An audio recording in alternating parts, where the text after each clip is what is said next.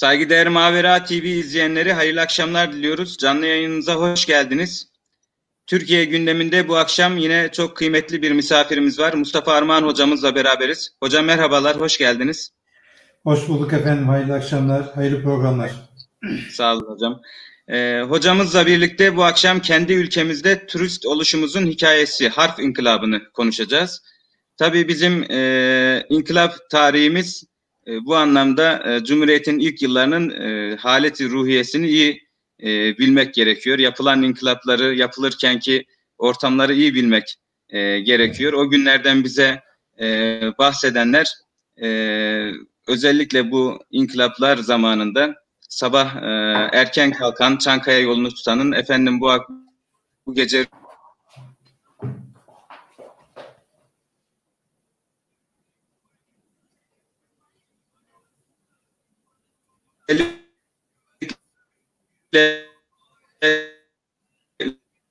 ülkemizde bu anlamda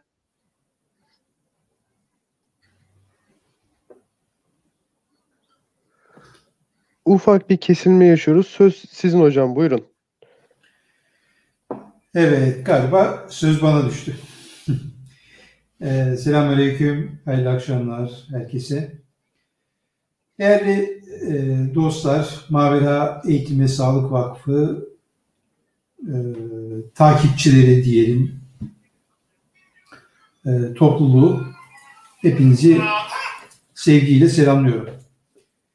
Şimdi tabii kesinti olduğu için tam e, paslaşamadık e, Sedat Bey'le ama. Ee, bu arada Heh. ufak bir bölüyorum. Şey kapı zili çalabilir çünkü ben demek istedim. Burada bölünebilir yani. Evet. Şimdi e, kendi ülkemizde evet geldiniz Sedat Bey. Eyvallah. Ee, hocam sözünüzün son kısmı anlaşılmadı. Oldu. Ee, evet. Teknik bir arıza oldu. Hocam hayırlı akşamlar tekrar. Ee, evet, e, Cumhuriyet'in ilk yıllarında özellikle e, bir haleti e, ruhiyeden e, bahsediyorduk hocam. Sabah erken e, kalkanın Çankaya'ya e, koşup efendim bu gece rüyamda şunu gördüm, şöyle bir e, inkılap yapıyoruz diye e, söze ba- başlamasından özellikle e, o günlerde okuduğumuz hatıralarda görüyoruz, rastlıyoruz. E, maalesef bu münevverlerimiz özellikle hadi her inkılabın bir şekilde veya her yanlışın diyelim ki düzeltilme şansı var. E, ama öyle bir e, yaramız, kanayan yaramız var ki maalesef bunun sadece münevverlerimiz e, acısını yaşıyor. E, çok gündemde olmayan bir e, konu. Sadece münevverlerimizin gündeminde olan bir konu. E, bu konuda da çok konuşan, bu konuyu çok inceleyen maalesef e, münevverimiz yok. E, bu anlamda e, bu işin e, adeta e, en ince noktalarına kadar hakim olan e, değerli bir hocamızla bu işi konuşmak istedik. E, bu anlamda da Mustafa Armağan hocamızla bu programı inşallah bu akşam gerçekleştireceğiz. E, hocam ben böyle kısa bir e, girizgah yaptım. E, buyurun söz sizde hocam. Evet. Tekrar selamlar herkese. Ee, şimdi tabii Türkiye'de tarih alanında e, büyük bir bunalım var, büyük bir kriz var. Bu kriz aslında sadece tarih alanında değil, Türkiye'nin medeniyet perspektifinin e, ve kimlik e, tanımının yaşadığı bir kriz. Biz kimiz? Biz kimiz? Ve kendimizi nasıl açıklıyoruz? Hangi, hangi referanslarla açıklıyoruz? E, bu problemi biz 100 yıldır yaşıyoruz. Hatta belki biraz daha geriye meşrutiyete doğru götürdüğümüzde bir miktar daha e, 150 yıla kadar çıkartabiliriz. Yani Sultan Abdülhamit'ten sonrası diyelim. Buradaki problem şu. Biz kimiz sorusuna biz Türküz diye cevap veriyoruz. Fakat tarihimiz bizim gözümüzde yazılmamış. Dilimiz Türk dili değil, Türklerin dili değil. Ee, alfabemiz bizim bin yıllık Türklüğümüzü oluşturan alfabe değil. Şimdi birisi Göktürk de değil diyecek ama onu açıklayacağım ileride. e, Göktürk alfabesiyle yazılmış metinleri toplasanız yarım saatte biter. Yarım saatlik bir şeyde okuyacağınız şeyde bir ömür boyu okunmaz. Kimse kusura bakmasın. Burada yüz binlerce kitap var. Orada yarım saatte bitecek. Dört tane anıt. Şurada bir kitap ve burada bir kitap. Bununla bir kültür olur mu? Bir medeniyet inşa edebilir misiniz? Dolayısıyla e, alfabe de gitmiş elden. E, kılık kıyafet zaten öyle. Öbür tarafta hukuk. İşte siz hukukçusunuz. Bizim 1926 yılında Türkiye halkı ya bu İsviçre bize çok kültürel olarak yakın bir millet. Din olarak yakın bir millet. Neredeyse aynı dili konuşuyoruz. Aynı örf adeti sahibiz demiş ve gitmiş Avrupa'da bula bula kendisine en yakın ülke olarak ve hukuku kendisine en yakın millet olarak İsviçrelilerin hukukunu bulmuş. Bunu büyük bir iştahla almış ve koskoca Türk milleti bir İsviçre'nin hukukunu kendi hukuku olarak alabilmiş. Neden? Şimdi bin sene önce İslamlaşıyorsun, din değiştiriyorsun. Bir dinin içine giriyorsun. Bu dinin bir kutsal kitabı var. Bu dinin hadisleri var. Bu dinin literatürü var. Bu dinin uleması var. Bu dinin medreseleri var. E dolayısıyla o dinin içinde namaz kılarken, oruç tutarken, nikah kıyarken, doğarken kulağına ezan okunuyor. Bir e, alfabe ile beraber bir dil var. Bu alfabeyi alıyorsun. Din değiştiriyorsun. Peki biz 1928'de din mi değiştirdik? Bunu mu demek istiyorsunuz? Eğer din değiştirdiysek söyleyin hangi din bu? Hangi din? Şimdi bakın alfabe dinle beraber değişir.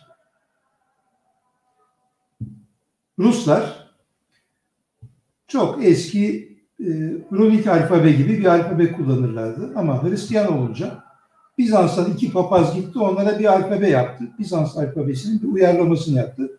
Ruslar hala o alfabeyi kullanır. Ya Sovyetler Birliği diye bir devrim yapıldı. Bu devrim bile o alfabeyi kaldırıp atmadı ya.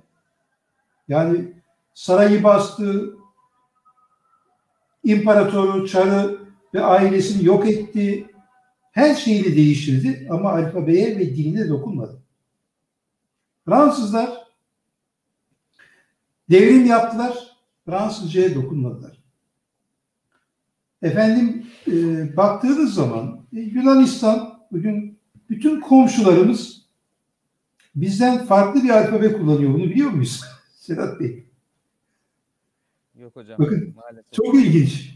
Yani Suriye'den başlayalım isterseniz. Arap alfabesi, Irak Arap alfabesi, İran Arap alfabesi, Gürcüler Gürcü alfabesi, e, Ermeniler Ermeni alfabesi, değil mi? Sovyetler Kiril alfabesi, Yunanistan e, kendi ne o? Bir Yunan alfabesi. Bulgaristan'da Kiril alfabesiyle devam ediyor. Bakın bütün komşularımız bizden farklı. Biz bir tek Latin alfabesi kullanıyoruz bu bölgede. Ne Yunanistan ne Gürcistan ne doğumuz. Biz nasıl böyle olduk? Yani buraya biz nasıl e, sokulduk ve bu alfabeyi biz nasıl kabul edebildik? Yani coğrafi olarak da baktığımız zaman tuhaf bir durum var. E, dinimiz açısından öyle, kültürümüz açısından öyle. Şimdi dolayısıyla şimdi bunu girizgah babında söylüyorum ama yani burada Latin alfabesini kabul etmenin tamamen bir e, medeniyet değiştirmeye zorlanmakla bir alakası var. Başka bir şeyle bir alakası yok. Yok efendim kolaymış sormuş şimdi onları çürüteceğiz. Bununla bir alakası olamaz. Kiril alfabesi bizimkinden daha kolay bir alfabe değil ki. 38-39 harflik hala e, kendi aralarında tartışmaların olduğu bir şey Yunan alfabesi öyle. Öbürü e, Gürcü ya Ermeni alfabesi, Gürcü alfabesi görseniz karınca duası gibi bir alfabe ama değiştirmiyor insanlar. bu alfabeyle yollarına devam ediyorlar. Neyse bana gelmiş olan alfabe neyse ben onunla yoluma devam ediyorum.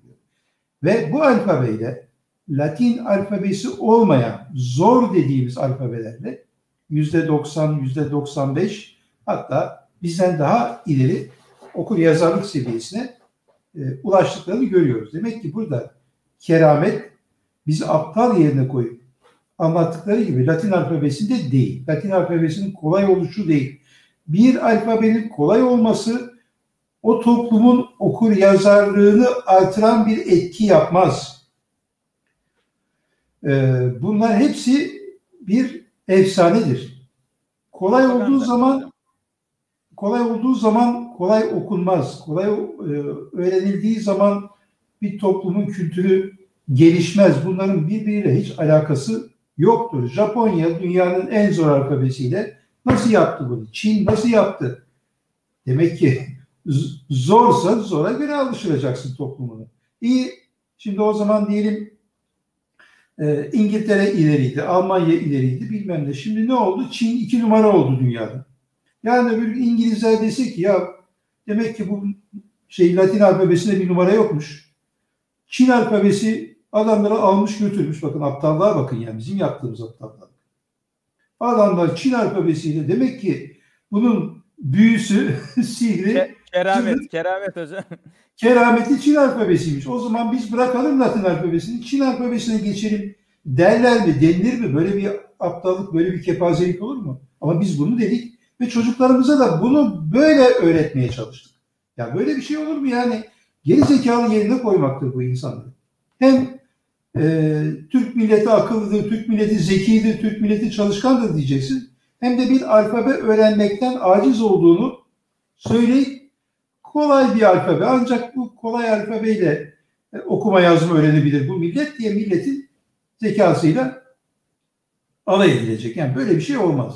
Bunların hepsi bahane. Kurt kuzuyu yemeye karar vermiş. Kuzu ya demiş ki sen suyumu bulandırıyorsun. Kuzu demiş ki ben senin aşağıdayım. Nehir aşağı doğru geldiğine göre nasıl bulandırabilirim?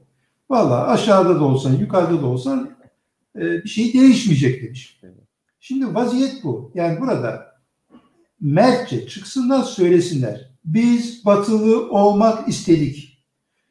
Onun için İslam buna engeldi. İslam harflerini engel olarak gördük. Kur'an'ı engel olarak gördük. Bunu net söylesinler. Mert olsunlar. O zaman biz de cephemizi ona göre alırız ve deriz ki şu şu şu sebeplerle bu yaptığınız yanlıştır ama sureti haktan görünür. E, işte gelişmemiz gerekiyordu, ilerlememiz gerekiyordu, bilmem e, hızla okumamız gerekiyordu gibi bir takım kılıflara bunu sokarak anlatmaları işte mertçe bir yaklaşım değil. Ama söylesinler, evet biz İslam'dan hoşlanmıyorduk. İslam bizim projelerimizi e, engelliyordu. Latin alfabe şeyde Arap alfabesi de fazla İslam ve doğuluk okuyordu. Biz bunu da istemiyorduk ki bunu zaten başkaları e, Esat Mahmut falan gibi birileri söylüyor yani arka planda. Yani ben birinci aktörler açısından diyorum.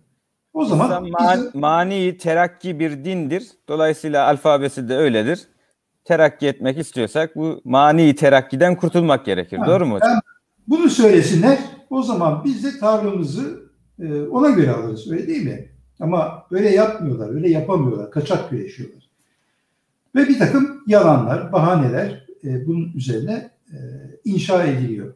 Şimdi bu benim çok dertli olduğum bir konu ve inşallah bir kitap da kaleme alacağım. E, bu hususta şunu e, söylemek istiyorum. Bir kere e, bir Fransız filozofu Jacques Derrida Kendisi postmodern felsefenin, post yapısalcı felsefenin işte neyse önderlerinden birisi. Türkiye'ye davet ediyorlar. Hem de Boğaziçi Üniversitesi'nde davet ediyorlar. 2005 falan galiba. Geliyor. E, gelmeden önce adam şimdi dürüst ve namuslu bir aydın olduğu için ya diyor ben Türkiye'ye gidiyorum. Türkiye nasıl bir yer?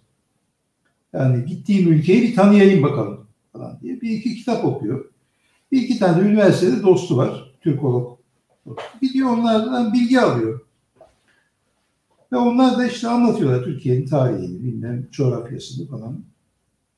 Ve harp inkılabı yaptığından Türkiye'nin bahsediyorlar. Tam bunu öğreniyor. Ee, ve büyük bir şaşkınlık yaşıyor. Bilmiyormuş o zamana kadar. Yani Türkiye'nin e, harp inkılabı yaptığını. Nasıl yani diyor. Şimdi Türkler başka bir alfabede mi kendilerini ifade ediyorlar? Yani ataların yaptığından farklı bir alfabede mi ifade ediyorlar? Evet diyor öyle. Ondan sonra e, şey yapıyor ve bir tebliğ hazırlıyor. Ve bu tebliği Türkiye'de gelip Boğaziçi Üniversitesi'nin e, bir salonda hatta böyle bir Atatürk büstü var. Onun yanına oturtmuşlar onu. Zannetmişler ki Kemalistlere şey verecek, prim verecek bir konuşma yapacak. Adam diyor ki ya diyor ben bunu sordum diyor böyle dostlarıma. Türkiye'de bir harf inkılabı yapılmış. Ee, bu bana çok ha, evet tam buldu arkadaşlar. Bu bana çok enteresan geldi. Yani Türkler şimdi kendi alfabelerini değil başka bir alfabe, bizim kullandığımız Latin alfabesini kullanıyorlarmış. Fakat diyor ben bunu e, biraz tuhaf karşıladım. Çünkü e, bir milletin e, hele hele böyle modern çağda başka bir alfabeye geçmesi kendi topraklarında turist konumuna düşmesi demektir diyor. Yani nasıl olacak diyor. Yani ben şimdi Fransızım. Balzac'ı diyelim ki Arap alfabesine çevireceğim. Arap alfabesinden Balzac'ı okumaya çalışacağım ya da Çin alfabesinden. Böyle bir şey olur mu diyor. Ben ne ne zevk alırım ondan. Yani oradaki Fransızca ifadeler bozulacak, bilmem ne olacak ve e, Fransızca bildiğim halde bunu yapmak zorunda kalacağım diyor. Yani bu, bu diyor nasıl bir şey yani Türkler bunu nasıl yaşadı ve nasıl bunun e, normal kabul ediyorlar. Ben bunu anlamakta zorlanıyorum falan. Orada bir manifesto bizimkiler e, hiç şey yapamıyorlar yani kaldıramıyorlar adamın bu kadar radikal bakacağını tahmin etmedikleri için getirdiklerine pişman oluyorlar. Onun yazısı az önceki arkadaşımızın paylaştığı e, yazımda özetlendi e, Yapı Kredi'nin yayınladığı Kogito dergisinde de tam metin yayınlandı. Ya yani şimdi diyor Türkler kendi ülkesinde kendi e, klasiklerini başka bir alfabeye tercüme ederek mi okuyorlar diyor adam. Şimdi o kadar tuhaf bir şey ki onun için. İnana, inanamıyor. inanamıyor evet. Yani kendi alfabeleri varken bunu diyor başka bir alfabeye çevirmekle uğraşıyorlar. Orayı çevirdikten sonra onu okuyacaklar öyle mi diyor yani ve adamın karikatürize ettiği kadar var. Evet. Harf darbesi diyor. 1928'de yapılan bir harf darbesiydi. Darbe kelimesini orada kullanıyor. Dolayısıyla biz 1928'den beri kiracıyız. Turistiz. Bir yere çıktık ve o, orada e, o kült, o alfabenin içerisinde yürümeye çalışıyoruz, nefes almaya çalışıyoruz ve mesafe almaya çalışıyoruz. Bu ne kadar mümkün? Bu açık ne zaman kapanacak, ne kadar zamanda kapanacak bunu bilmiyoruz. Ama e, şunu biliyoruz ki kendi kültürümüzle bağımız büyük ölçüde koptu e, ve bunun bedellerini biz aslında düşünce dünyasında şey sanat dünyasında, edebiyat dünyasında falan yaşıyoruz. Yani bu çok net e, bir tablodur ve bugün Türkiye e, kendi kültür kökleriyle irtibatını kaybetmiş bir vaziyettedir. Bırakınız Cevdet Paşa'yı, bırakınız Namık Kemal'i, bundan 100-120 yıl önce okunan eserleri Halide Edip adı varı sadeleştirmek zorunda kalan 1960'lı yıllarda 64'te öldü. e, bir sadeleştirmek zorunda kalan, kelimelerini değiştirmek zorunda kalan bir toplumda yaşıyoruz. E böyle bir şey e, bir batılı için, bir başka bir dünyada yaşayan birisi için anlaşılmaz bir durum. İşte Derrida'nın yaşadığı o. Yani bir metin var. Mesela Nut metnini bugün orijinalinden okuyamıyorlar. Orijinali çünkü Osmanlıca. Osmanlıca yazıldığı için bu e, okunamıyor. Ne yapıyorlar? Ben bir gün bir televizyonda bir Kemalist'le tartışırken bunu söyledim. E, diyor, dedi ki ben Bediüzzaman Said Nursi'nin e, ne dediğini anlayamıyorum dedi. O zaman dedim ki sen Nutuk'u da anlayamıyorsun. Nutuk da o dilde yazıldı. E, yani ben Nutuk'u e, sadeleştirenler var. Sadeleş, bakın sadeleştirilmiş başka, aslı başka. Hukukta nedir? Bir şeyin bilir kişiden görüş alınır. O şeyin sahih olup olmadığına dair. Şimdi sen birisi çevirmiş bir nutuk diye bir şey koymuş önüne. Bunun ne kadar nutuk olup olmadığını bilmiyorsan nasıl güveneceksin? Adam çevirirken de kuşa çevirirken de kuşa çeviriyorlar tabii. O da ayrı mesele. Yani adam kafasına göre makaslıyor, kısaltıyor bilmem. Ee, mesela şey yapalım e, bir nutuk çevirisinde tutumsal diye bir kelime görüyorum. Tutumsal. ya Allah Allah diyorum ya tutumsal bu acaba tutumlu olmayı falan mı kastediyor yani şeyde. Neyse açtım. Ya bir baktım iktisadi. İktisadi hadi ekonomik yap bunu. Tutumsal ne? Şimdi adam kafasına göre yapıyor ve bunlar evet. 5816'ya asıl muhatap olması gereken şeyler.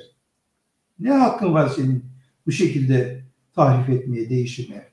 Ama işte bu vaziyete gelmiş durumda. Yani dolayısıyla gerçi asıl meselemiz harf inkılabı ama bir de onun tamamlayıcısı olan dil devrimi var ki bu ikisi işte esas yıkım meydana getirdi. Şimdi ben bundan 50-60 sene önceki e, mahkeme tutanaklarını e, okuduğum zaman çok güzel anlıyorum. Çünkü ben edebiyat kökenliyim. Bu lisana aşinayım ve adamın kafasındaki meselenin avukatın da savcının da hakimin de ne kadar net olduğunu görüyorum. Ama bugün maalesef savcılarımız doğru dürüst cümle kuramıyorlar. Ben muhatap oldum. E, savcıya yardımcı oluyorum. Diyorum sayın savcım verin ben düzelteyim cümleyi. Ya diyor boş ver diyor. Benim değil. Şey anlaşılıyor falan diyor. Olsun diyorum ben düzelteyim falan. Yani ifademi kuramıyorlar. Yani bu e, ama Osmanlı'nın beğenmediğimiz Osmanlı'nın savcıları öyle değildi. Bir cümle kuruyor adam her şeyi orada ifade edebiliyor. Yani bunlar böyle adamlar. Şimdi dolayısıyla Efradını cami, ahyarını mani yani hocam. Evet, evet yani Cevdet Paşa'nın Mecellesi'nin yani 8-10 sayfasını okusanız yeter zaten. Sizi böyle sırt üstü yere düşürür. Yani o kadar keskin kafasındaki o şeyler, girinti çıkıntılar falan nasıl ifade ediliyor? Nasıl bunu başarıyorlar? Hayret edersiniz. Biz çok düz bakıyoruz yani şeyimizde.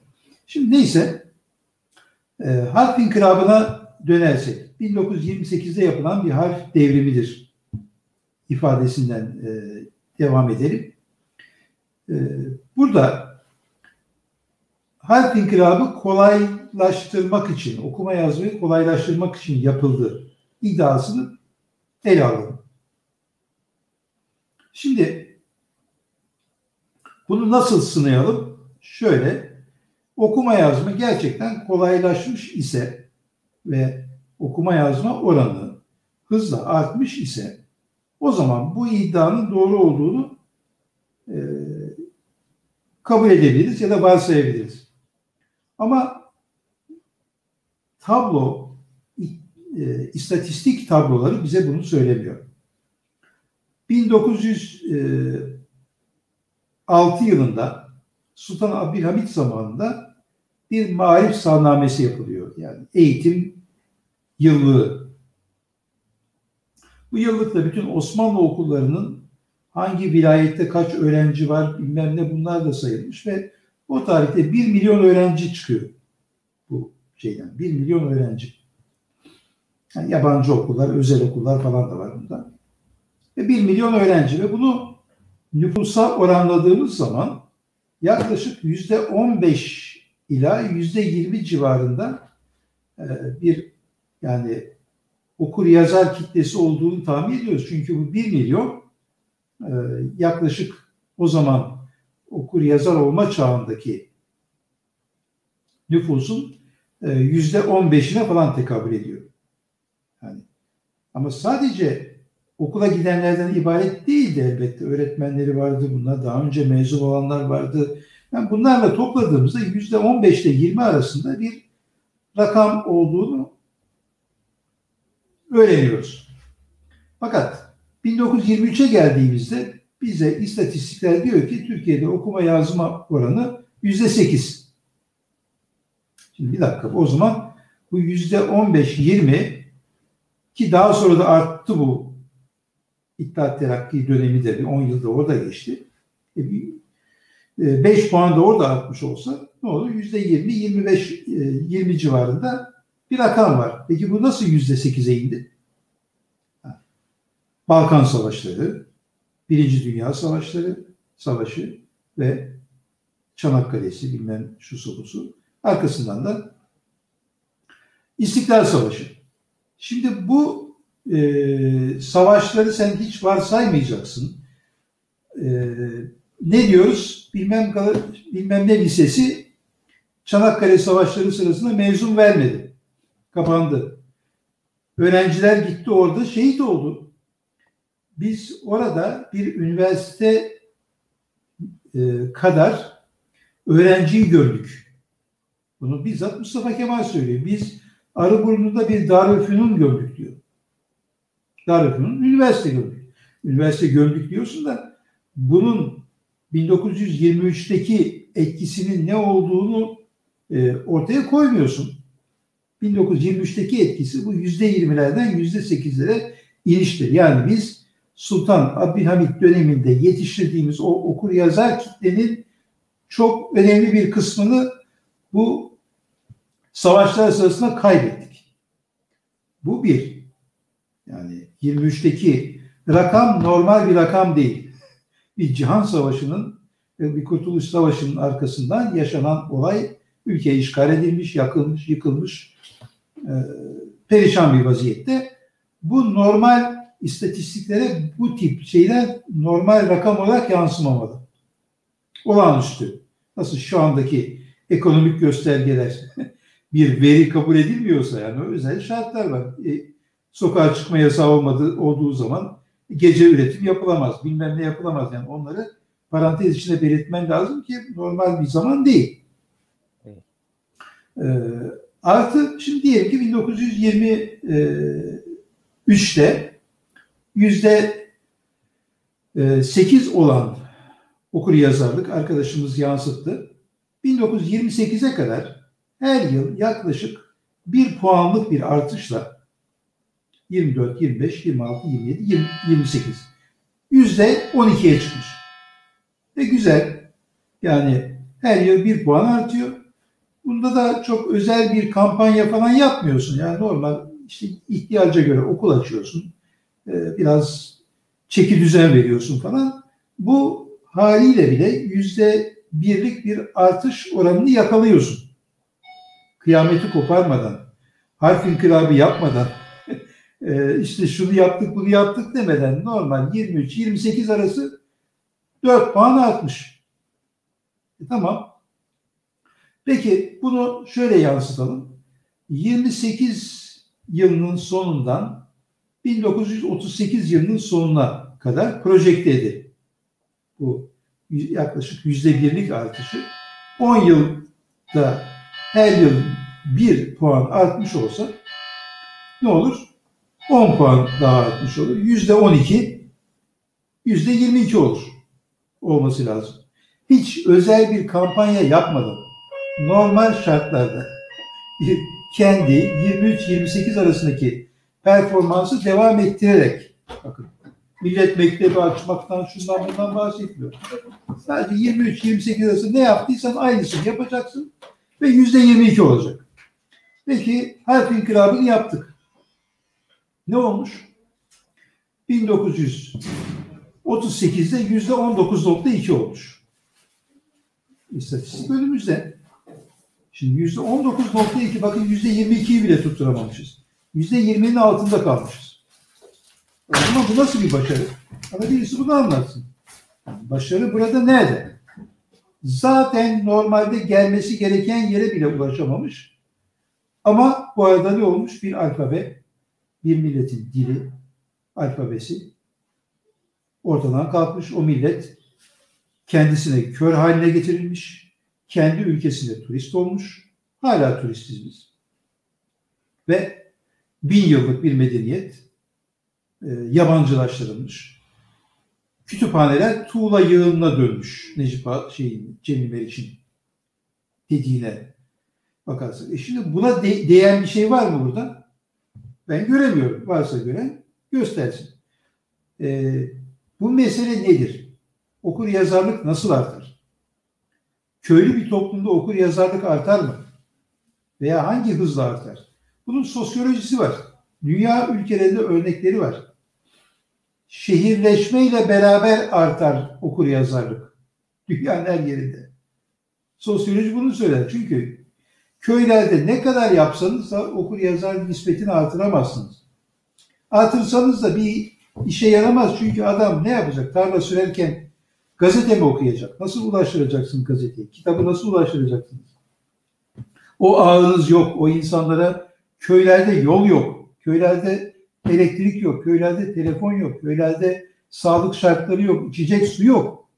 Bu şartlarda köyde okur yazarlığın artmasını bekleyeceksin. Böyle bir şey yok. E, köylerde okul yok. E şimdi dolayısıyla ancak şehirlerde bunu başarabilirsiniz ama Türkiye'nin 1928'deki şehirleşme oranı yüzde 15 e, civarında. E, yüzde 15 şehirleşmeyle yüzde 12 okur yazarlık gayet mantıklı. Yani bundan farklı bir şeyi tabloyu bekleyemezsiniz zaten. Yüzde 15 şehirleşme, yüzde 12 okur yazarlık. E, bu, bu zaten böyle. E, 1938'e geldiğimizde yüzde 20'lerde ise Türkiye'de şehirleşmede yüzde 25'lerde kalıyor. Şehirleşme artıyor. 40'lı yıllarda bir duraklama var. Niye? Çünkü şehirleşme artmıyor 40'lı yıllarda. Savaş şartlarında herkes köyünde kalıyor. E, okur yazarlık da e, şeyde kalıyor. Aynı seviyede kalıyor. Özellikle 45-50 arasında. E, sonra ne oluyor? Demokrat Parti geliyor. Birdenbire artmaya başlıyor okur yazarlık.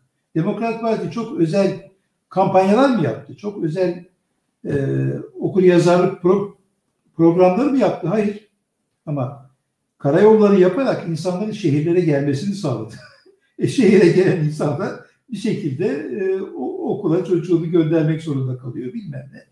Ve Türkiye şu anda yüzde 80 civarında bir şehirleşmeye ulaştı. Okur yazarlığımız da aşağı yukarı 80-85 seviyesinde. E, bu işte yani sosyolojik olarak mesele e, budur. Arkadaşımızın yansıttığı e, 1935'te okumaz yazmaz yani cahil oranı %81 iken 45'te 71'e 50'de 68'e düşmesinin olumlu bir gelişme kabul ederken rakamlar aynı şeyi söylemiyor. Buna göre cahillerin sayısı 35'te 7 milyon 779 bin 45'te yarım milyon atarak 8 milyon 134 bin 1950'de ha bir de e, yeni doğan nüfusu okutamama, ona okuma yazma öğretememe problemi var ki 15 yılda cahil sayımız 1 milyon fazla e, veriyor. Bu da bir başka e, istatistik verisi.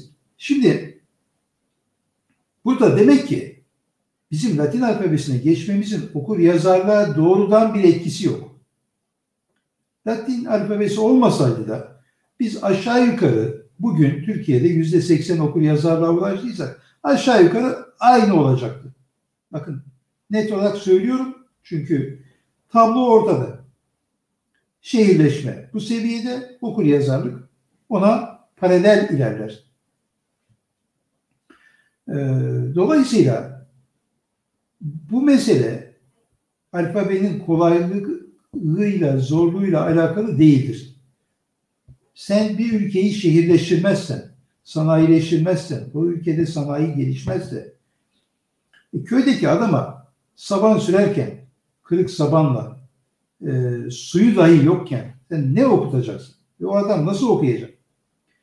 Köylüye sen zulmedeceksin, e, gelecek koyun keçisinden vergi almak için dağlarda köylüyü kovalayacaksın. E bunlar var benim babam Jandarma yaşamış. dip Jandarma dipçi ile defterdar çantası e, hocam. Evet.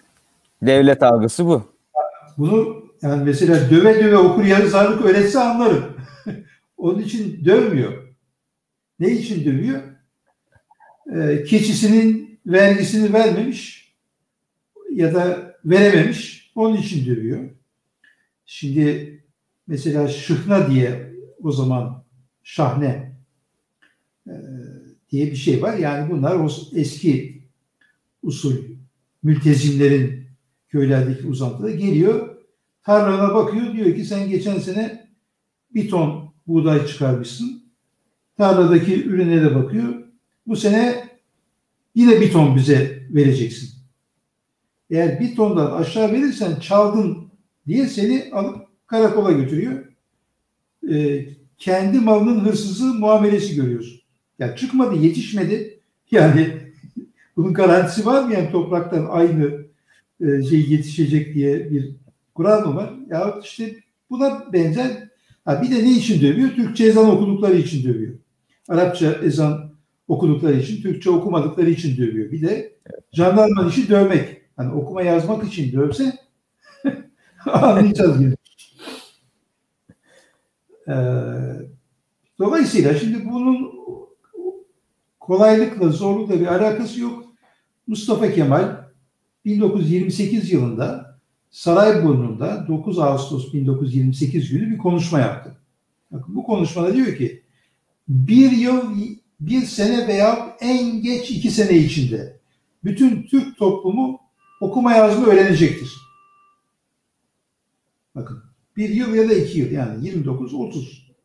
1938'e bakıyoruz %19.2. Peki bu nasıl bir öngörü? Yani e, şehirleşmemiş bir toplumun okur yazar olamayacağını görememek nasıl bir şey? Ve nitekim olamıyor, olamıyor, hala olamıyor. Hala okur yazar olmayan şu kadar milyon kadın var, bu kadar milyon erkek var. E, bu böyle olsun demekle olacak bir şey değil. Ha ayrıca okuma yazma öğreniyor da ne okuyor? Kısmı var ki o zaten bir facia. Yani gazete tirajları ortada, e, dergi tirajları ortada, kitap Cemil Meriç'in kitapları bin tane basılıyor. Yani böyle bir ülkede 84 milyonluk nüfus ne okuyor bu insanlar? E şimdi bol bol sosyal medyada yani orada da mesela ne okuyoruz? Tweet e, izliyoruz. Sadece orada yazılan 280 karakterin bir kısmını okuyoruz, geçiyoruz. İçini açıp okuyan azdan az. Okumuyor, kaydırıyoruz sürekli. Ne bırakıyor bize? Bir maç okuyoruz, bir magazin okuyoruz, bir siyaset okuyoruz, bir dış politika okuyoruz, bir her şeyi okuyoruz ama hiçbir şey kalmıyor aklımızda. Zihnimiz bir çöplüğe dönüyor. Osmanlı az okuyordu ama tamam temiz okuyordu, tam okuyordu. O insanların eğitimlerini biz bugün veremiyoruz. Veremeyiz de. E, dolayısıyla e, bu okur yazar cahillik yani okuması yazması olan cahilliğin bugün sosyal medyada istediği fırtına bunun bir göstergesidir. Gerçek manada okur yazar olan bu şekilde bir sürü psikolojisiyle hareket etmez. Aynı şeyi al kopyala al kopyala böyle bir otomata bir robota dönmüş durumdalar. E böyle mi olur? Aydınlanma bu muydu? Kant aydınlanmayı nasıl tarif etmişti? Ergin olmaktan e, şeye reşit olmaya geçiş Artık bizi bir takım otoriteler yönlendirmeyecek, biz aklımızla karar verecektik. Nerede kaldı akıl? Bir yönlendirme ve tamamen robotik bir takım figürler çıktı karşımıza. O da işin bir başka cephesi. Dolayısıyla e, ha, Arap alfabesi zordu iddiasına gelelim şimdi. Latin alfabesinin kolay olmadığını, kolay e, onun kabul edilmesinin, okuma yazmanın artmasına doğrudan doğruya bir tesiri olmadığını söyledik. Peki Arap alfabesi zor muydu? Bakın etrafınızda insanlar var. Siz de buna e, kendinizi koyarak şey yapabilirsiniz. Arap alfabesini yani Kur'an alfabesini kaç günde öğrendiniz? Değil mi? Elif, B, T, S, Cim, Ahı. Bunu bir gün, iki gün, üç gün hocanız size gösterdi. Değil mi? Bir günde hocam bir günde.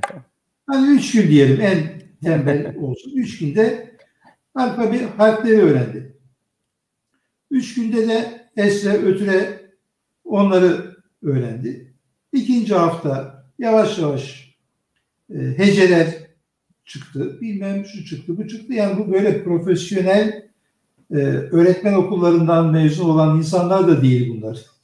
Cami hocası, bilmem ne, anne, baba. Bunlar bunlar özel eğitim de görmüş insanlar değil bunu öğretenler. Neticede Sübhaneke'yi okumaya aşağı yukarı bir ay içinde en geç en geç başlıyorsun.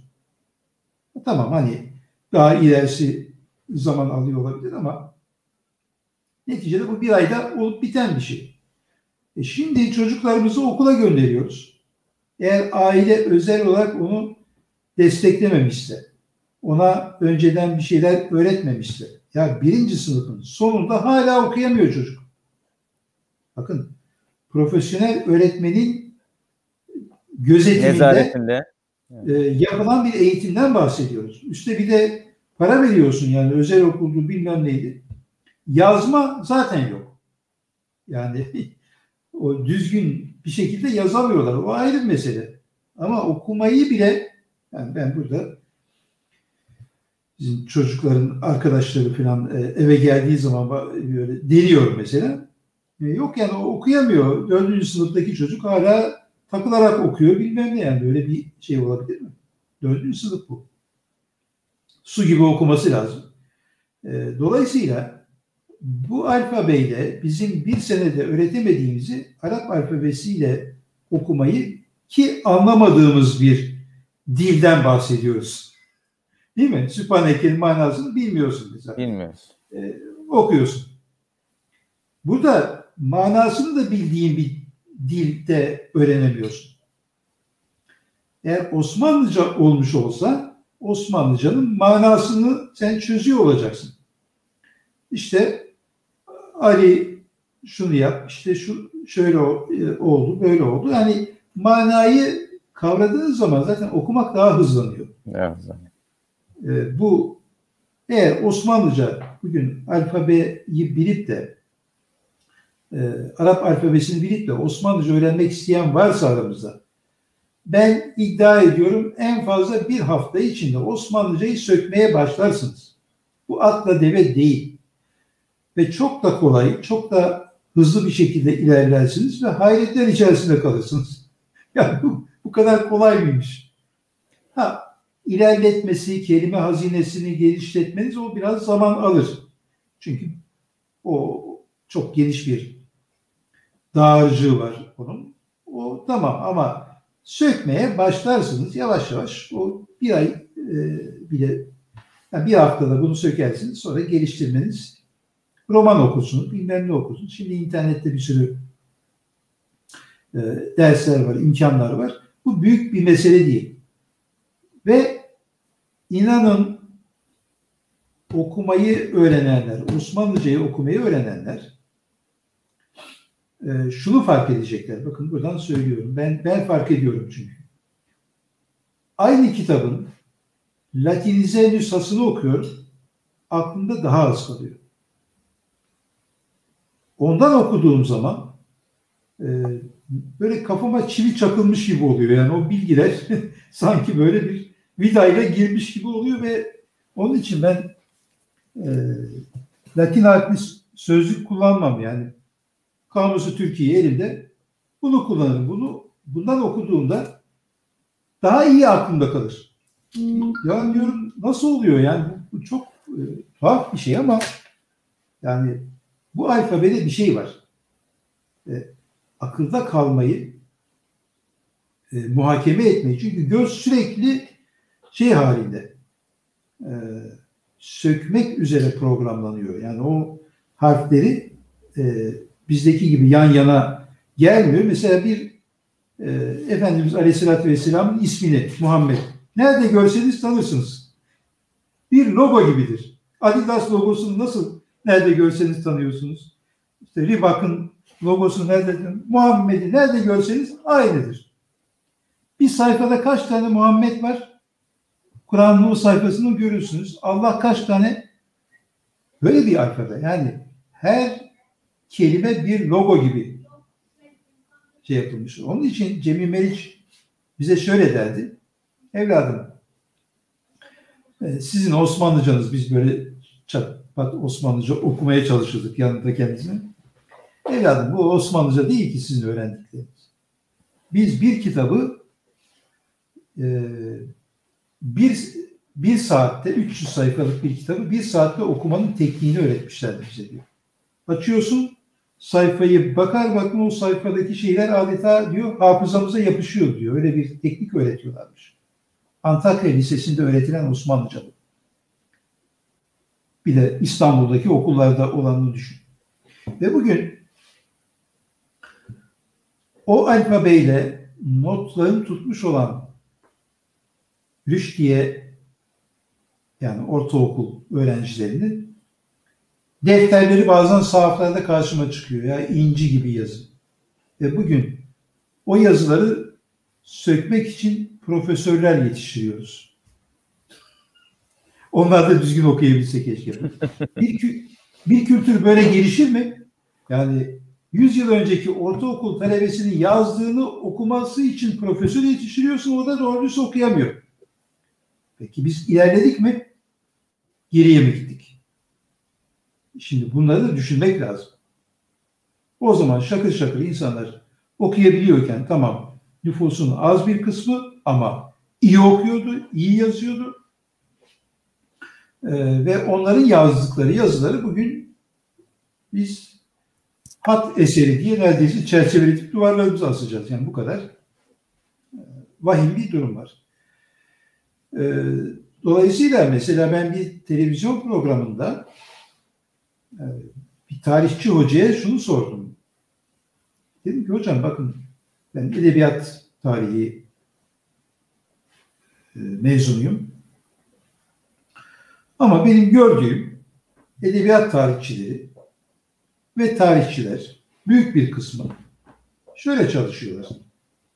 Osmanlı zamanında e, basılmış bir divan ya da bir yazma divan. Bu divanı alıyor. Derrida'nın dediği gibi Latin alfabesine tercüme ediyor. Tercüme ediyor. Eğer hatasız edebiliyorsa ne mutlu. Sonra onun başına bir giriş yazıyor. Arkasına bir indeks koyuyor. Oluyor size bir doktora tezi. Ya bir tarihçi eskiden yazılmış bir tarihi alıyor.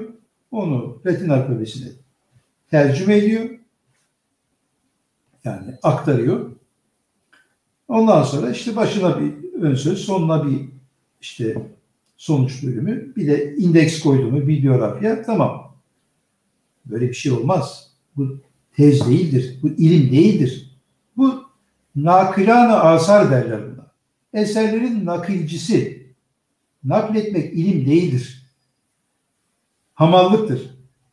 Halbuki sen onu zaten okuyor olacaksın.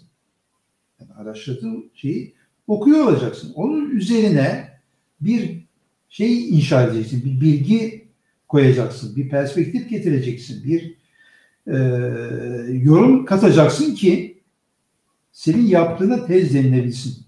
Dedim ki hocam e, ismini vermeyeyim. Eğer harf inkılabı yapılmasaydı tarih ve edebiyat bölümlerindeki hocalarımız ne iş yapacaktı? Bana söyler misiniz? Ne iş yapacaklardı? Zaten onları herkes biliyor olacaktı. Talebeler de onu okuyor olacaktı. Bize ne satacaktı bunlar? Anlatabildim mi? Bakın nereye gittik? Evet.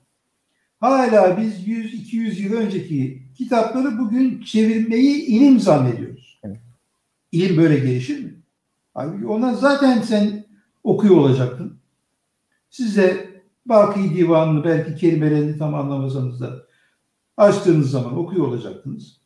Efendim Servet-i Fünun dergisinin tıpkı basımları yapılacaktı. Burada duracaktı. Biz de onları açıp okuyor olacaktık. Anlatabildim mi? E, dolayısıyla bunların üzerine Servet-i Fünun'u yeni harflere çevirmek diye bir problemimiz olmayacaktı. Onun üzerine biz ne koyabiliriz Heh. konuşacaktık. Ya bak bu adam bunu yapmış ama bak o zaman da e, şu haberi vermiş bu haberin o, orada yayınlanması ne kadar önemli bunun işte Batı falan neyse Batı dergileriyle mukayesesi şu bu. Şimdi demek ki öyle büyük kayıplarımız var ki bu inkılapla birlikte bunları düşünemez hale bile getirilmişiz. Düşünelim. Ee, sözü uzattım galiba. Estağfurullah hocam. Şimdi çocuğumun kitabında şu ifadeyi görüyorum. Mutlaka siz de görmüşsünüz ve bunu yani o kadar uzun zaman görmüş ve kanıksamışım ki kendimden utandım ya. Kendimden utandım. Ne diyor biliyor musun? Arap alfabesi kargacık, e, bu- burgacık harflerden oluştuğu için okuma yazma ya senin Kur'an alfabesine hakaret etme hakkın nereden geliyor? Senin Kur'an alfabesine kargacık burgacık diye alay etme hakkını nereden alıyorsun? Yüzde 99'u Müslüman olan bir ülkede üstelik. Bakın kitaplarımıza hakaret ettiriyoruz. Böyle bir şey diyemezsin. Böyle bir terbiyesizlikte bulunamazsın. Bu alfabe birçok başka alfabe gibi kendi içinde saygı duyacaksın. Ben hiçbir alfabeye karşı değilim. Latin alfabesine de karşı değilim. Niye karşı olayım? O da insanlığın bir başarısı. Bir alfabe şey yapın. O alfabeyle kitaplar yazılmış. Ben alfabeye karşı değilim. Ben bu şekilde bir alfabenin yasaklanmış olmasına, o alfabenin e, unutturulmuş olmasına karşıyım. Yoksa Latin alfabesi de öğretilseydi, mesela şöyle deselerdi, ya biz Arap alfabesi öğretime devam etsin. Bu arada Latin alfabesini koyalım biz. Hem onu öğrensin. Çünkü yabancı dil öğrenirken zaten öğrenecekler. Latin alfabesi de olsun. O da olsun. Ee, bunu niye kesiyorsun? Niye yasaklıyorsun? Birçok yerde kitap yakıldı. Birçok yerde satıldı, atıldı. Elinde Osmanlıca kitap taşıyan insanların tutuklandığını ben biliyorum. 70'li yıllarda. Bunu ben yaşadım. Ee, karakola çekiyorlar. Bilmem ne yapıyorlar. Niye, bu- ne var bu kitapta? Bil, tanımıyordu, bilmiyordu adam ama alıp götürüyordu seni polisler. Hocam sanki e, Osmanlı'nın son döneminde de böyle bir çalışmalar e, var gibi işte Enver Paşa'nın bir e, şey, yazı Yok, stili çalışmasından bahsediliyor hocam. Ona bir açıklık getirelim. İyi sordunuz. Ee, şimdi Osmanlı döneminde yani şimdi şöyle diyelim daha genel bir önerme bir ifade kullanayım. Hiçbir dil kullandığı alfabeye bir eldiven gibi uymaz. Doğal alfabe yoktur. Ama dil doğaldır. Dil tabidir. Yani nasıl olduğunu hala anlayamıyoruz. İşte iki yaşında bir çocuk Türkiye'de olunca kapı diyor. İngiltere'de olunca doğru diyor.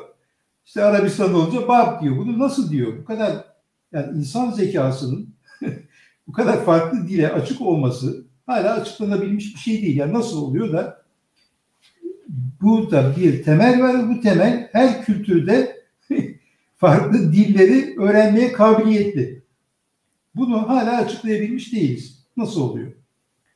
Ee, demek ki dil tabii yani bizim fıtratımızda dil var ve Hazreti Adem'e de esma öğretildi. Fakat alfabeler sunidir. Sonradan insanlar bu dili belli şekillerle işte runik alfabe, hieroglif, bilmem çivi yazısı, işte şudur budur, kaya yazıları her neyse. Bunlar sunidir. Bunlar o dili belli ölçüde o dille örtüşürler ama yüzde yüz örtüşen hiçbir alfabe yoktur. Böyle bir şey olamaz.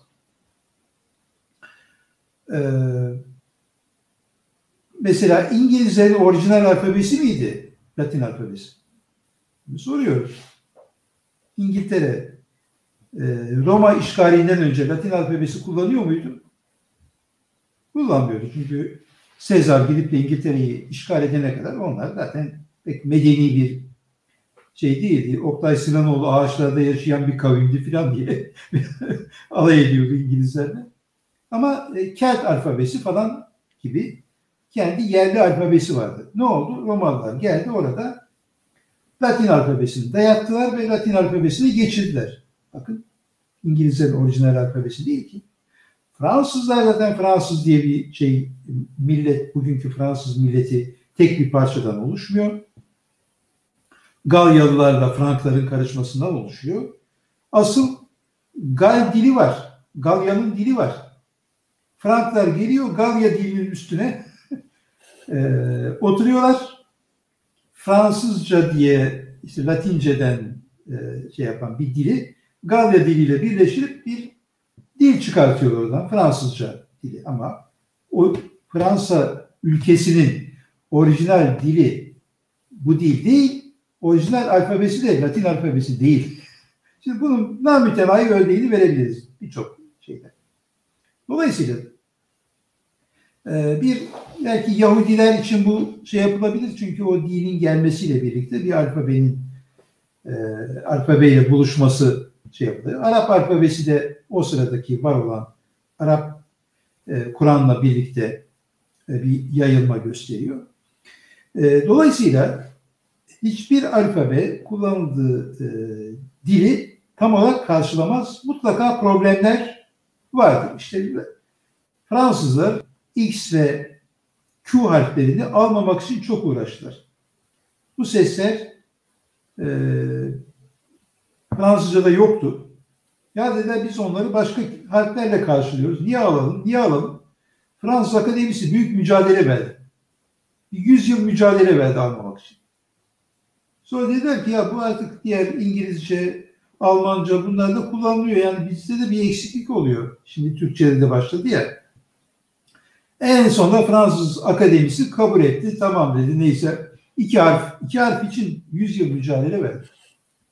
E demek ki bu bir ihtiyaç ve bu iki harfi aldı Fransızlar. Orijinal Fransızca'da olmayan iki harfi aldı.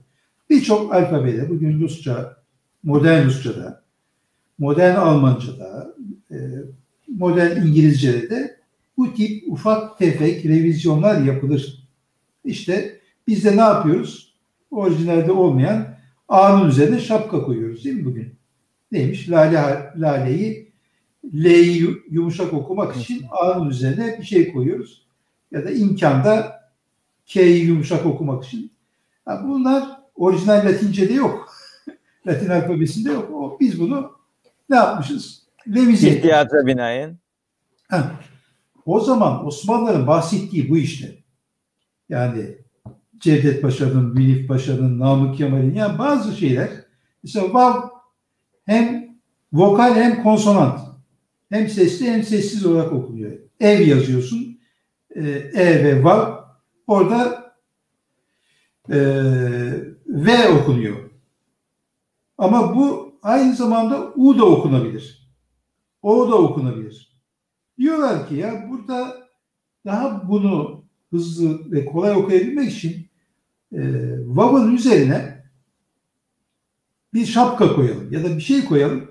Yani konsonant mı, vokal mi olduğu belli olsun. Hani bakar bakmaz bunları teklif ediyorlar. Yani ama harf devrimi yapalım, başka bir alfabeye geçelim değil. Onlar tamamen mevcut alfabenin e, üzerinde yapılmış olan tıpkı Fransızca'da, Rusça'da yani Petro döneminde Rusça üzerinde bir e, ıslahat yapıldı.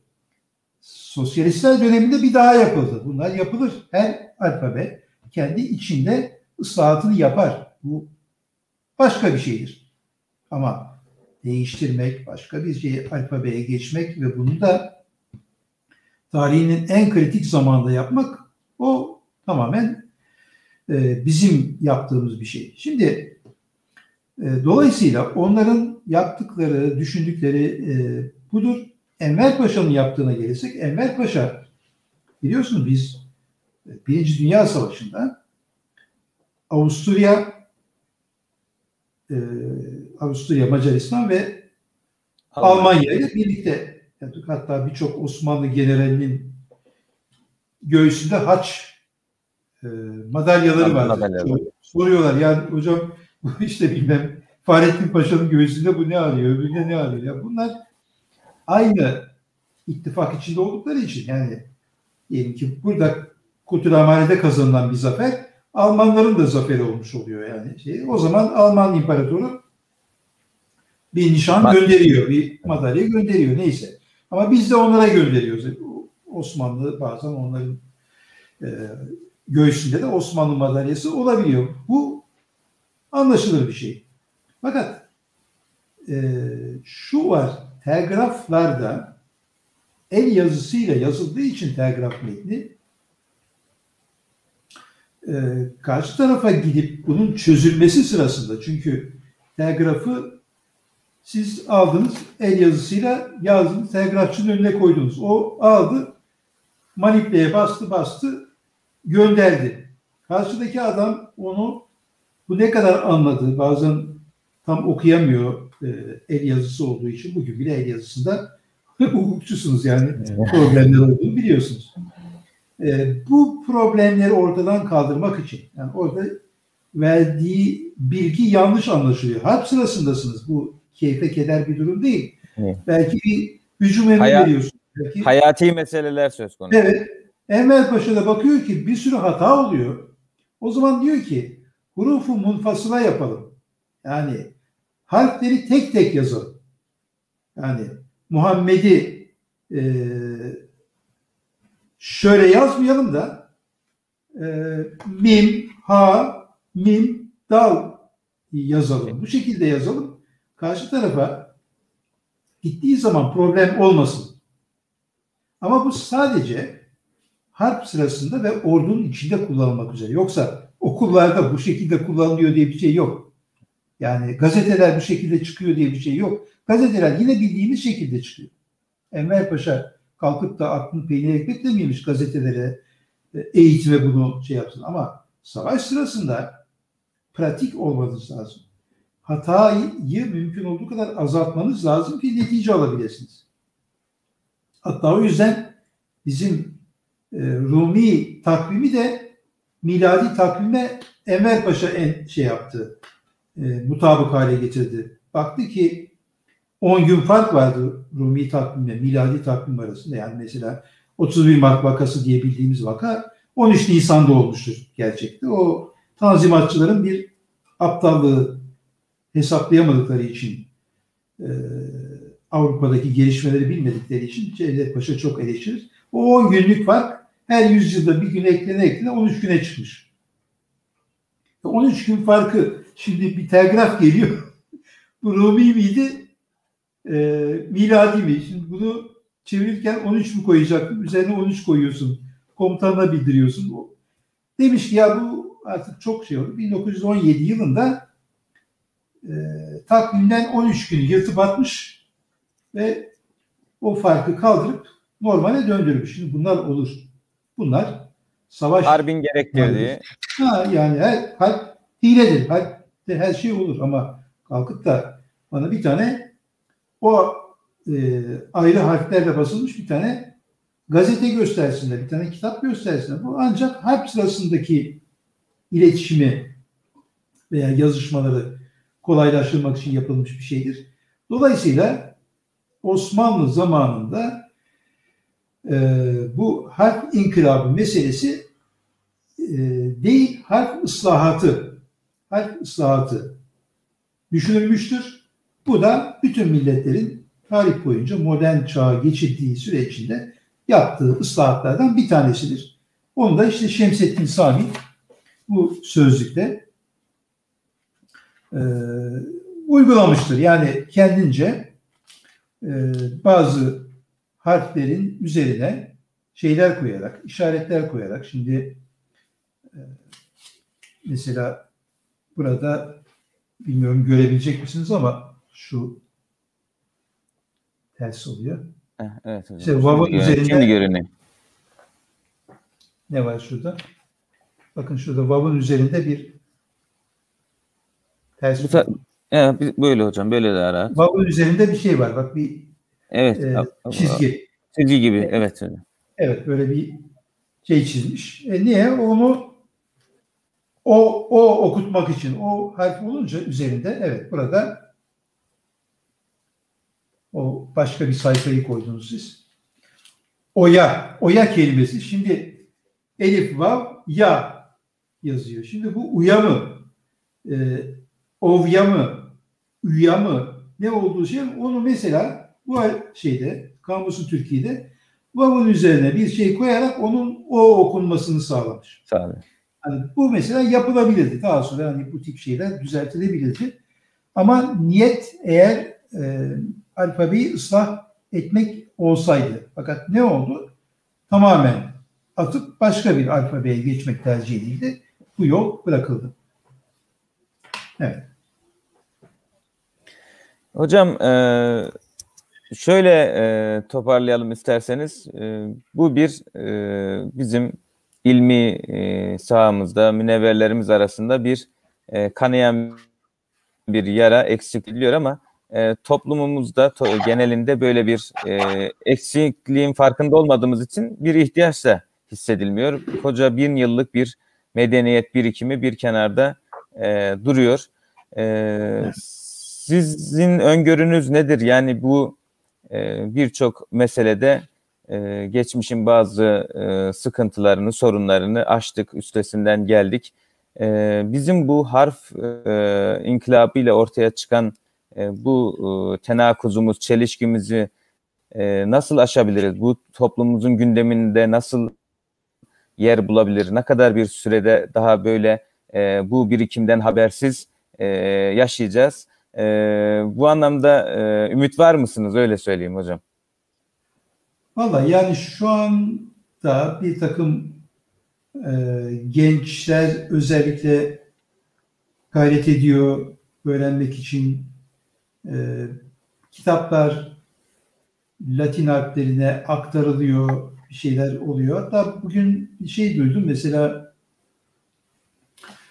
e, Ali Fuat Başgil hocanın ki işte çok büyük bir hukukçu e, ben kitapları okuyunca onu öğreniyorum.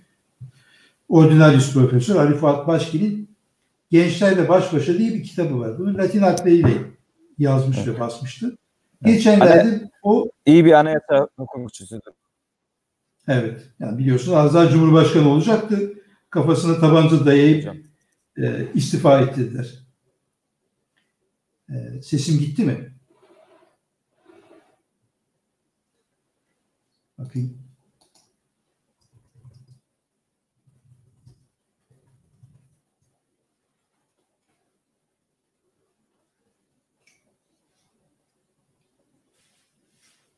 Ha iyi. Bende sorun yokmuş. Benim şey sağlam. Ee, modem sağlam. Şimdi e, Ali Fuat Başgil Hoca az daha Cumhurbaşkanı olacaktı. Evet yani 1961 yılında. Da kafasına tabanca dayayıp adaylıktan istifa etti. Yurt dışına kaçırdılar ve e, olsaydı Türkiye için büyük bir şanstı ama olamadı. Ee, şimdi Ali Fuat Başgil Hoca'nın o kitabı gençlerle baş başa tavsiye ederim. Ee, Birçok arkadaş da onu okusun. Evet Osmanlıca bu şekilde basılmış. gençlerle baş başa. Ee, mesela bunu Osmanlıcayı öğrenen, Osmanlıca öğrenmeye başlayan kardeşlerimize tavsiye edeyim. Okusunlar. Hem bir kitap gerçek manada bir e, Osmanlı zamanında doğmuş, Cumhuriyet döneminde eser vermiş bir e, hocamızın kitabını okumuş olurlar. İçinde bilgiler var. Hem de Osmanlıcaları gelişmiş olur. Şimdi bu tip çalışmaları teşvik etmek lazım bir. E, ikincisi Osmanlıcayı arkaik bir e, malzeme olmaktan çıkarmamız lazım. Yani Namık Kemal'lerin, Ziya Paşaların kullandığı bir alfabe gibi düşünmeyelim. Bugün biz kendimiz bunu mesela öğrenmeye başladınız ya diyelim. Artık biraz okumanın ötesinde yazmaya da başladınız. Bir arkadaşınıza notunuzu bundan yazın. Hatta şey var, Osmanlıca klavyeler var. Mesela böyle karşılıklı birbirinize yazın. Bazen bana bir okuyucum tweetimin altına Osmanlıca mesaj yazıyor. O kadar hoşuma gidiyor ki. Yani e, ve o, okuyorum mutlu oluyorum. Yani gay, gayret etmiş o alfabeyle yazmış. Üçüncüsü yazarken müthiş kolay eğer öğrenirseniz o kadar hızlı yazılabiliyor ki bunu tartışmasız bir şekilde en dünyada en hızlı yazılan alfabelerden birisi. Arap alfabesi ki Osmanlı onu bir de bir kere daha hızlandırmış. Rika diye bir yazı çıkartmış. Bu Rika yazı e, normal Arap yazısından çok daha hızlı yazılabiliyor. Neredeyse el kaldırmadan şakır şakır şakır e, yazılabilecek kadar kolay e, yazı. İşte bakın bir Rika örneğini size göstereyim. Evet. Bu büyük bir hattatımızın hem güzel hem de e, Halim Efendi'nin Hattat Halim Efendi'nin e, Rika yazısı ki 1964 yılında vefat etti. E, bunu öğrendiğiniz zaman çok hızlı bir şey olur. Bir de enteresan bir şey yapmış olacaksınız. Yani e, herkesin yaptığından daha farklı bir şey yazmış olacaksınız. E, mesela buraya diyelim ki yazdınız, koydunuz. Millet bakacak, anlayamayacak. Şifre gibi. Şifreli yazışma gibi. E, Hüseyin Cahit Yalçın evet bu Rika'nın şeyi e, meşki harflerin yazılışı görüyorsunuz. Muhteşem bir yazı şekli. Bu Araplarda yoktur bu. Bu bizim Osmanlı'nın icat ettiği bir hat. Ondan sonra bunun güzelliği var. Bunu öğrenmenin. Ama ayrıca da e, şunu e, şey yapalım. Şimdi alıp okuyabilmek o metinleri e, bir Cevdet Paşa'yı efendim bir hatta yakın dönemde 1910'larda 1920'lerde yani mesela Reşat Nuri'nin Çalı Kuşu romanı değil mi bugün 1921 yılında basıldı. Şimdi ben bunu merak ettim. Aldım Çalı Kuşu'nun 1921 baskısını. Şeyi okumuştum Latin harfleriyle. Neyi fark ettim biliyor musunuz? Kurgu tamamen değişmiş. Bakın. Yeni, yeniden yazılmış. yeniden yazılmış Cumhuriyet döneminde. Bakın neyi fark ettim? Hangi üçkağıtçılığı fark ettim? Ve bunu bizzat Reşat Nuri yapmış. Ama hiçbir yerde yeniden yazıldığı ifade edilmiyor.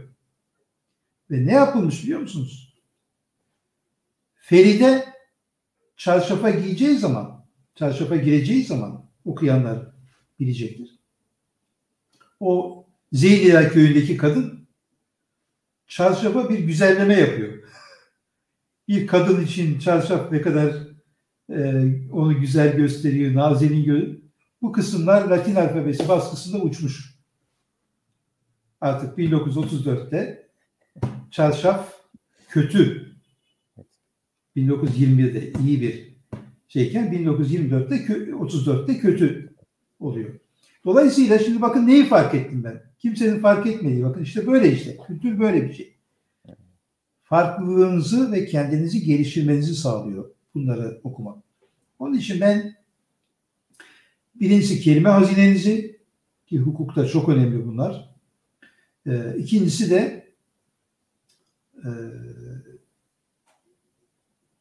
geçmişte yaşamış olan büyüklerimizin düşünce silsilesini, e, muhakeme zincirini iyi tanıyabilmek için hepimizin okuması lazım. Hangi alanda olursak olalım. Bu her bakımdan bize bir farklılık getirecek ve yazdığımız eserlere, yazılara, savunmalara bile bunların e, katkıları olacağını söyleyebilirim.